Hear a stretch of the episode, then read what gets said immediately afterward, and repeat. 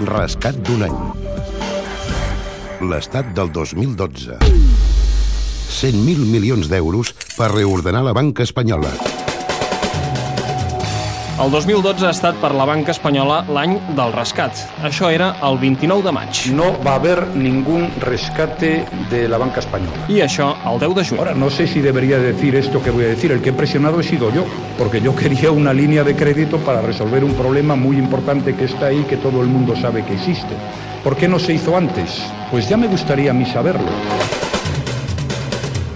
El trànsit entre les dues afirmacions era l'última conseqüència d'un procés accelerat per la caiguda de Bànquia. L'entitat sistèmica que no podia caure i que durant mesos es va rumorejar que es fusionaria amb CaixaBank. L'operació finalment no es va concretar, fet que va deixar la unió de Caja Madrid i Bancaixa contra les cordes. Dimissió amb que Rodrigo Rato s'ha avançat d'alguna manera la possibilitat que el govern espanyol el convidés a sortir de Bànquia i és que Economia està enllestint un pla imminent per salvar el grup financer condicionat justament a un canvi en la cúpula i que persegueix sobretot sanejar l'entitat d'actius immobiliaris. Lo último que haría sería eh, inyectar dinero público. Ahora, si eso fuera necesario para conseguir el crédito, para salvar el sistema financiero español, yo no renunciaría. Sí que hi hauria injecció de diners públics i, a més, la Moncloa ho aprofitaria per engegar l'operació Banc Dolent. Paral·lelament, s'exigiria a les entitats financeres una sèrie de condicions que, a finals d'any, tindrien els seus efectes. Les exigències de solvència del govern espanyol han retallat els beneficis del Banc Sabadell i del Santander. L'entitat ballesana ha guanyat de gener a setembre 90 milions d'euros, un 56% menys que fa un any. Per Bànquia el problema seria més greu, amb pèrdues del gener al setembre de fins a 7.000 milions d'euros. Aquests mals resultats s'expliquen sobretot pels diners que l'entitat ha apartat per cobrir el possible deteriorament d'actius, un total d'11.500 milions d'euros. De retruc, les turbulències de Bànquia i el rescat van endarrerir la subhasta de Catalunya Caixa, Nova Caixa Galícia i el Banc de València, que no es reprendrien fins al final d'aquest 2012.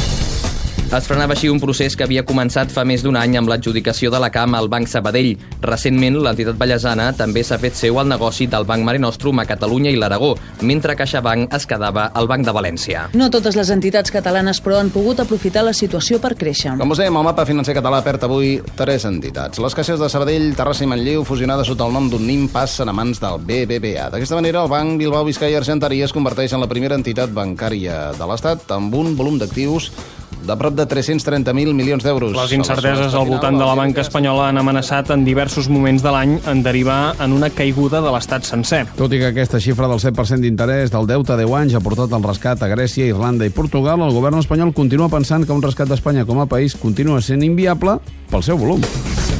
Això era el juny i, de fet, el rescat total tampoc arribaria a la segona part de l'any. Això sí, l'atenció als mercats continuaria. Amb aquest panorama, l'estat espanyol es torna avui a posar a prova els mercats de deute. I va buscar entre 2.000 i 3.000 milions d'euros i dijous hi tornarà. Veurem a quin tipus d'interès... En aquest sentit, les auditories a la banca espanyola, que van confirmar forats assumibles amb els diners del rescat bancari, van servir de respir al tresor espanyol a la seva lluita per no seguir l'estela de Grècia, Irlanda i Portugal. Aclarit el panorama per aquestes auditories, a finals d'aquest 2012 el procés de reordenació bancària s'ha rellençat amb la creació de la Sareb, el Banc Dolent, amb un màxim de 90.000 milions d'euros en actius tòxics immobiliaris provinents de les entitats financeres. Segons fons del Ministeri d'Economia, la Sareb absorbirà béns immobles procedents dels bancs, uns actius tòxics relacionats amb la Tutxana que com a màxim podran arribar a un valor d'entre 85 i 90.000 milions d'euros. Una reordenació que continuarà sent un dels grans reptes del 2013, amb les subhastes pendents i amb possibles noves integracions. Per exemple, la que ha anunciat recentment el Santander absorbint el Banesto, que desapareixerà com a marca. Brussel·les ajuda en el procés, però es cobra la col·laboració. Insistim, la fórmula és molt clara, diners sí, condicions molt fortes també. Condicions. S'han de tancar la meitat d'oficines, limitar el sou dels directius i desfer-se dels crèdits a promotors. Joana Casals, cap d'Economia de Catalunya Ràdio. El 2013 tindrem un sector bancari que estarà païnt la reestructuració imposada pel memoràndum del rescat financer, una banca que haurà d'assimilar les recapitalitzacions que ha hagut de fer per complir amb els nivells de solvència que se li demanen tindrem una altra banca que, com que no complia, s'haurà de moure. És el cas de Catalunya Caixa, que molt aviat, els primers mesos de l'any, passarà a mans d'una altra entitat. Tindrem també un sector que haurà d'afrontar més increments de la morositat i estarà doncs, poc predisposat a donar crèdit, que és una de les seves principals funcions i el que ara es necessita. Rescat d'un any. L'estat del 2012. Edició Joan Bota i Marc Jurado. Producció Anna Escura i Mercè Ribas. Muntatge musical Joaquim Garcia.